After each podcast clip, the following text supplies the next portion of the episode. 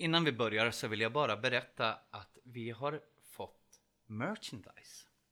Det är nämligen så att min flickvän och jag tillsammans har en shop på eh, internet där vi nu säljer lite kläder med När mörkret faller på för er som vill stötta podden och visa er kärlek till den. Eh, det finns en länk nedanför eller så går ni in på värmlandwear.se Det sitter ihop. Och så kan ni kika där. Och som sagt, det finns en länk nedanför. Nu börjar avsnittet.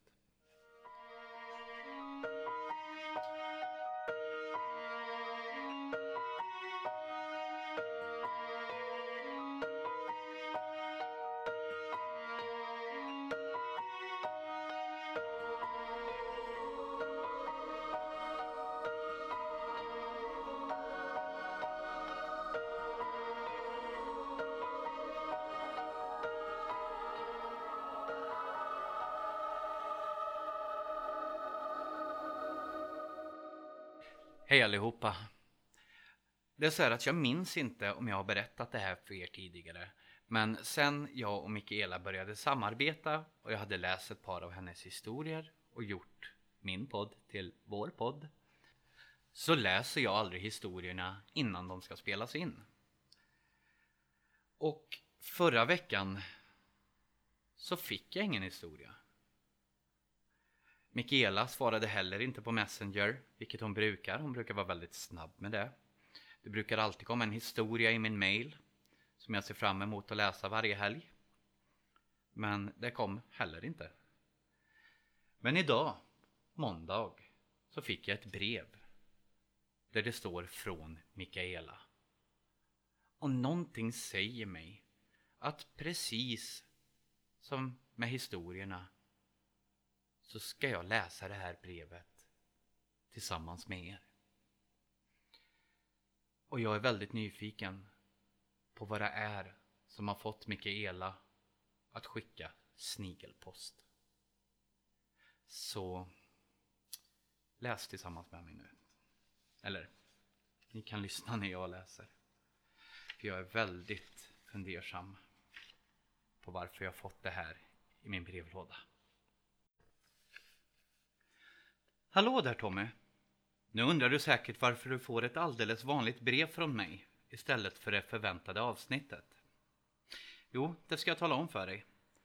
Jag sitter fast här i utmarken utan både internet och telefon och kan tyvärr inte leverera något annat än snigelpost och håller tummarna för att åtminstone det hinner fram i tid. Familjen har ett litet hus här, eller ja, snarare en stuga kanske, för det är inte så stort.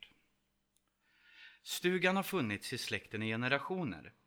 Den har varit hem åt många av mina gamla släktingar men har på senare år stått obebodd eftersom ingen av oss vill bo här ute i ödemarken. Här finns ingen el längre och rören har frusit sönder sedan länge. Det finns naturligtvis inget internet och ingen täckning på mobilen så man är ganska isolerad här. Förr fanns här en och annan granne, men det har dött eller flyttat ut och det hus som står kvar är sommarbostäder eller står helt enkelt tomma och förfaller i tystnad. Återgår till den vildmark som en gång fanns här innan mina och andras förfäder bröt mark och byggde bo här. Vår stuga är bortom all räddning är jag rädd. Jag har inte varit här på många år men en släkting var förbi förra året och tittade till. När jag fick höra att stugan sjöng på sista versen i sin sorgesång bestämde jag mig för att åka hit. Jag ville se stället en sista gång. På ett sätt ta farväl, för jag har så många minnen härifrån. Vi var här rätt ofta när jag var liten. Då bodde fortfarande en släkting kvar i huset. Men sedan han gick bort har det bara stått där i sin ensamhet. Tyst, mörkt och övergivet av alla, utom minnet av allt det som utspelat sig här bröllop, begravningar, födslar, högtider och bara helt vanliga dagar som passerat förbi. Och alla de där andra händelserna. Det som det bara berättas om när mörkret faller. Jag ville se alltihop ännu en gång helt enkelt. Men bilen pajade. Det tar tid att få hjälp med det och under tiden sitter jag fast här i skuggorna. I gränslandet mellan nu och då. Jag kommer inte att hinna hem i tid för att få iväg min historia den här gången. Jag är ledsen. Hoppas att det löser sig ändå. Och hoppas att gammal hederlig snigelpost för en gångs skull ska komma fram i tid så att du inte undrar allt för mycket vart jag har tagit vägen. Du behöver inte oroa dig. Jag klarar mig.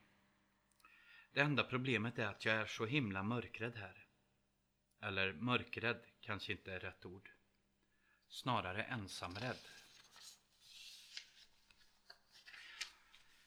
Det finns ett obehag i att vara ensam här som jag inte känner igen från någon annanstans. Man känner sig utlämnad. Jag visste inte att det var så innan jag kom hit, för jag har aldrig tidigare varit här ensam. Före nu då. Det beror förstås på allt jag hört om vad som utspelat sig här. Men det hjälper inte så mycket att inse det. Det är läskigt ändå. Ända sedan jag var ett litet barn har jag fått höra att man ska vara försiktig här. Att det finns en dörr mellan oss och de här. Det som gömmer sig bakom den vill vara i fred och det är bäst för alla om det får vara det. För om den där dörren öppnas faller allt fritt ut ur och in genom den. Jag frågade om den där dörren när jag var liten. Och så jag frågade. Jag var ju så nyfiken. Men allt jag fick till svar var att jag skulle akta mig för att gå nära den om jag skulle råka få syn på den. Det fick jag aldrig. Det där var bara en av de underliga historier som berättades i den här stugan sent om kvällen. Jag älskade de där kvällarna som barn och skulle aldrig i livet ha avstått från dem och de vuxna som själva var uppväxta på liknande sätt med samma berättelser lät mig hållas. Man blev skickad i säng när ögonen började klippa och historierna blev otäckare. Men det hjälpte inte för man låg ju och tjuvlyssnade istället då. Jag minns alla de där historierna. Jag minns dem och gillar att dela med mig av dem. En del av dem har gjort lite djupare intryck än andra. Som till exempel det ytterst märkliga öde som drabbade faster Cornelia. Jag vet inte om jag har berättat om henne för dig. Det som hände henne hände här i huset och är bara en av alla konstigheter. En av alla gåtor som aldrig fått sin förklaring. Jag vet inte riktigt vems faster hon egentligen var. Jag fick aldrig något grepp om det. Men det måste nog ha varit någon generation bort. För när jag hörde talas om det var det redan länge sedan det hände. Åtminstone var det så jag uppfattade saken. Men man kan aldrig så noga veta. Hur som helst omnämndes hon alltid som faste Cornelia när det talades om henne. Hon var bara nio år när det hände. En liten tunn flickunge med långa rågblonda flätor som alltid tycktes ha fläckar på förklädet bodde här i huset med sin mor, far och ett antal äldre bröder. En glad och pratsam flicka, hjälpsam och omtänksam. Alla tyckte om lilla Cornelia.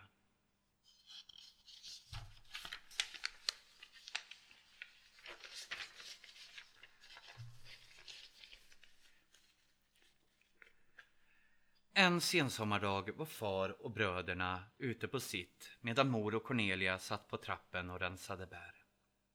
De pratade och skrattade medan de rensade. Ibland sjöng de en stump medan de viftade bort envisa flugor som surrade kring deras ansikten. Det var väldigt varmt den här dagen och de blev varma och törstiga. Mor gick efter något att dricka. Det tog bara någon minut men när mor återvände med varsitt glas var flickan borta. Spårlöst borta. Det letade naturligtvis. Alla hjälptes åt. Varenda en ställde upp och deltog i sökandet efter lilla Cornelia. Men det gick inte att hitta henne någonstans. Eller ens ett enda litet spår efter henne. Hon kunde omöjligt ha hunnit särskilt långt på den korta stund det tar att hämta varsitt glas vatten men ändå gick man skallgång i skogen och draggade i sjön. Till ingen annan nytta än att man kunde konstatera att man ingenting hittade. Letandet pågick i dagar, veckor och sedan månader. Till slut kom vintern och man tvingades ge upp utan att ha hittat Cornelia. Fyra år gick. Fyra år. Saknaden efter Cornelia var stor hos alla, men mest sörjde familjen. Mor kände skuld över det som hänt och var inte längre densamma och det hjälpte inte att familjen försökte trösta. Men så en dag när mor satt dyster till sinnes på trappan kom Cornelia plötsligt gående mot henne över gårdsplanen. Mor fick gnugga sig i ögonen för hon trodde att hon drömde. Men det gjorde hon inte. Det var faktiskt Cornelia. Fyra år äldre, längre och i trasiga kläder. Men det var utan tvivel Cornelia som äntligen, äntligen kommit tillbaka hem. Men lyckan blev kortvarig. För det visade sig snart att Cornelia var någon annan nu. Någon de inte alls kände. Mor frågade var i all sin dagar hon varit och Cornelia svarade med ett kort hos de andra. Efter det talade hon inte mer. Någonsin. Det var inte så att hon inte kunde. Hon bara talade inte.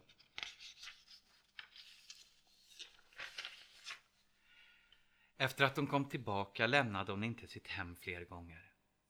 Hon åt mycket lite och tillbringade sina dagar sittande i en gungstol invid fönstret. Blek, spänd och med händerna hårt knäppta i knät satt hon där, envist tigande, stirrade hon tomt framför sig. Dag efter dag, år efter år. Det började viskas om henne. Det sades att hon fallit in genom dörren mellan oss och dem och att hon hållits fången där. Att hon lär sig bemästra ting som ingen levande ska ha kunskap om. Det sades att hon spottats ut igen från andra sidan dörren av en anledning så fruktansvärt att man skulle vara försiktig i hennes närhet nu när hon var någon annan. Andra sa att hon blivit galen av skräck och sorg när hon kom på avvägar och kanske ligger det närmare sanningen. I vilket fall tillbringade Cornelia resten av sitt liv sittande i den där gungstolen. Ända tills naturen gjorde sitt och hon blev föräldralös. Hon kunde inte klara sig själv i det skick hon var och hamnade på dårhus som det kallades på den tiden. Cornelia skrek hysteriskt och slog omkring sig i sitt nya hem tills någon vänlig själ såg till att hon fick dit sin gungstol. Då återgick hon till att sitta i den och tigande stirra framför sig till synes utan att märka att livet pågick omkring henne och där blev hon sittande tills hon dog vid 83 års ålder. Efteråt kom gungstolen tillbaka dit där den hörde hemma och nu står den här på sin plats. På Cornelias plats. Jag sitter inte gärna i den och kan inte påminna mig om att jag någonsin sett någon annan göra det heller. Det är såna där historier som gör sig påminda nu när jag är ensam här. Och nu när det börjar bli dags att gå och lägga sig minns jag plötsligt en annan historia som jag inte tänkt på på åratal. En familjemedlem stannade till här i huset på väg någon annanstans. Även han var ensam. Jag vet inte om han kände som jag angående den saken. Han är inte den sortens person som i så fall ens skulle komma på idén att överhuvudtaget nämna det. Men jag är övertygad om att det som hände den natten skrämde honom. Annars skulle han inte ha berättat om det. I det innersta rummet här i huset står en gammeldags väggfast säng. En sådan där riktigt gammal en som ser alldeles för kort och för hög ut och med massor av krusiduller och grejer på gavlarna. Nästan som en sådan där man kan se när man går på guidade turer i gamla slott. I den skulle han sova över natten för att åka vidare nästa dag. Precis när han höll på att somna hörde han en kraftig duns från köket och efter en kort stund hur någonting tungt och mjukt drogs över det gamla trägolvet. Det går inte att se ut i köket från, den, från det innersta rummet utan han hörde bara hur något släpades fram och hur det tycktes komma närmare. Eftersom han var ensam i huset tyckte han såklart att det var lite konstigt men tänkte att det väl måste vara något ljud som på något sätt tagit sig in. Han skulle precis gå upp för att kontrollera den saken när han plötsligt såg en rörelse bland skuggorna i hörnet på andra sidan rummet. Han såg hur den rörde sig, formade sig till en skepnad och började röra sig mot sängens fotände. Men han kunde inte se vad det var. Det var ju kväll och mörkt, men det var inte bara det.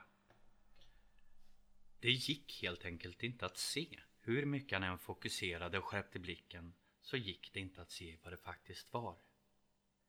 Till slut var skepnaden ändå framme vid sänggaveln och den nådde nätt och jämnt upp med sin översta del så att han kunde se att den stod där. Längre än så var den inte. Nu både hörde och kände han hur den började riva och slita och klösa för att ta sig upp i sängen och när det inte gick började skepnaden jämra sig och gnälla. Men det lät varken som ett barn eller ett djur. Det lät som något annat. Något obekant, men som han ändå kände igen någonstans längst in i medvetandet.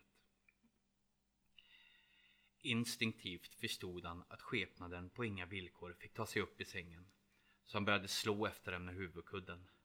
Han ville inte råka röra vid den och inte heller råka göra illa den. Så han slog och slog med den mjuka kudden och till slut lyckades han föra sig iväg skepnaden på något sätt så att den föll omkull på golvet med ett rasslande läte. Ungefär som när man släpper en påse dominobrickor i golvet. Gnällande och gnyende kravlade skepnaden tillbaka till skuggorna i hörnet och försvann sin väg.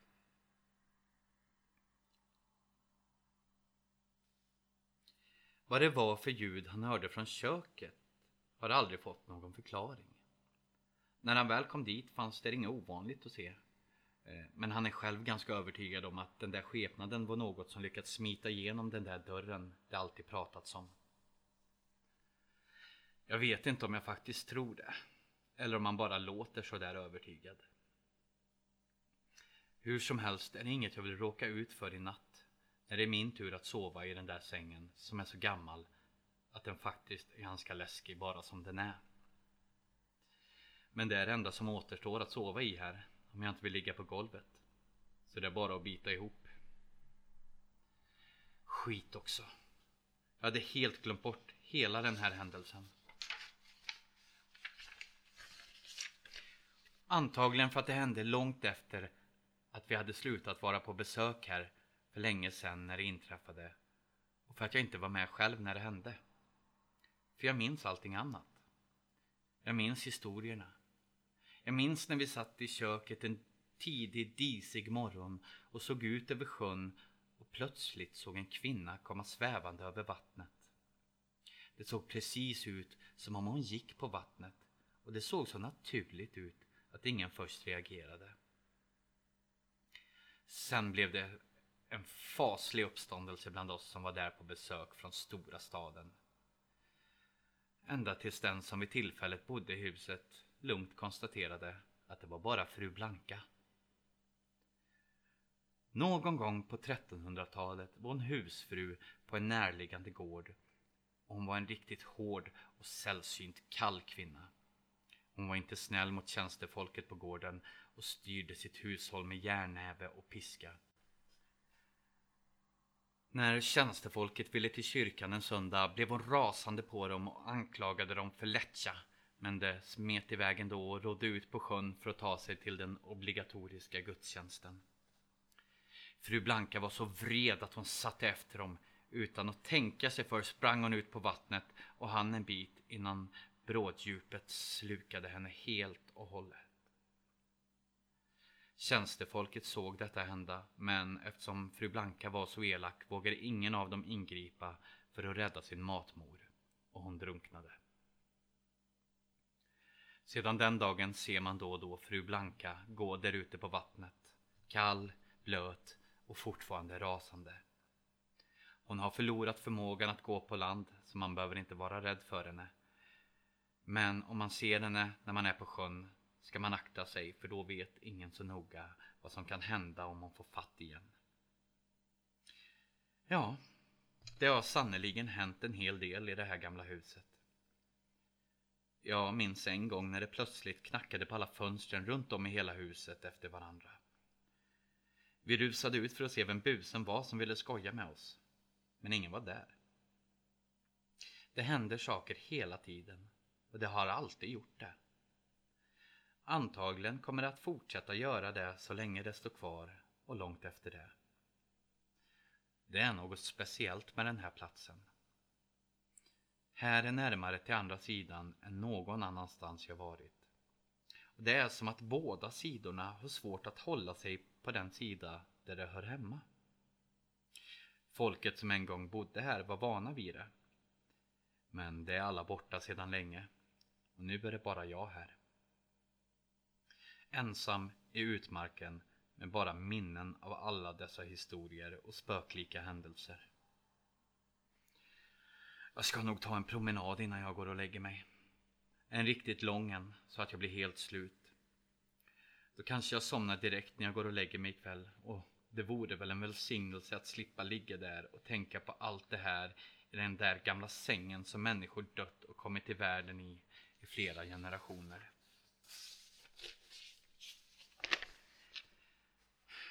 I huset som står lite för nära dörren mellan oss och dem. Kanske går jag ändå till brevlådan och postar det här långa brevet till dig när jag ändå ska gå. Ja, så får det bli. Det enda som oroar mig nu när jag bestämt mig för att gå hela den här långa vägen är tanken på den där dörren. Tänk om jag råkar få syn på dörren. När jag var liten föreställde jag mig alltid att den såg ut som en helt vanlig gammal trädörr mitt ute i skogen någonstans. Helt tagen ur sitt normala sammanhang. Och det är fortfarande så jag ser den framför mig. Fast nu är den gammal, skev och gisten av väder och vind. Kanske gör det att den är svårare att öppna och stänga nu. Eller kanske ser den ut på ett helt annat sätt. Kanske ser det inte ens ut som en dörr. Tänk om jag råkar öppna den utan att veta om det. Eller tänk om jag inte kan motstå frestelsen att glänta bara lite, lite på den om jag faktiskt får syn på den. Jag hoppas av hela mitt hjärta att jag ska slippa ställas inför den där dörren. Och jag hoppas att vi hörs snart igen. Att jag är tillbaka i tid till mörkret faller. Tänk på mig om det dröjer. Varma hälsningar. Mikaela. Det här är alltså brevet som jag har fått av Mikaela. Vilket gjorde att det tog lite tid med avsnittet eftersom posten levererades idag. Vi hoppas att Mikaela kommer hem. Att hon låter bli den där dörren. Om ni andra ser en dörr mitt ute i skogen. Så snälla, snälla låt bli den. Nu när mörkret faller.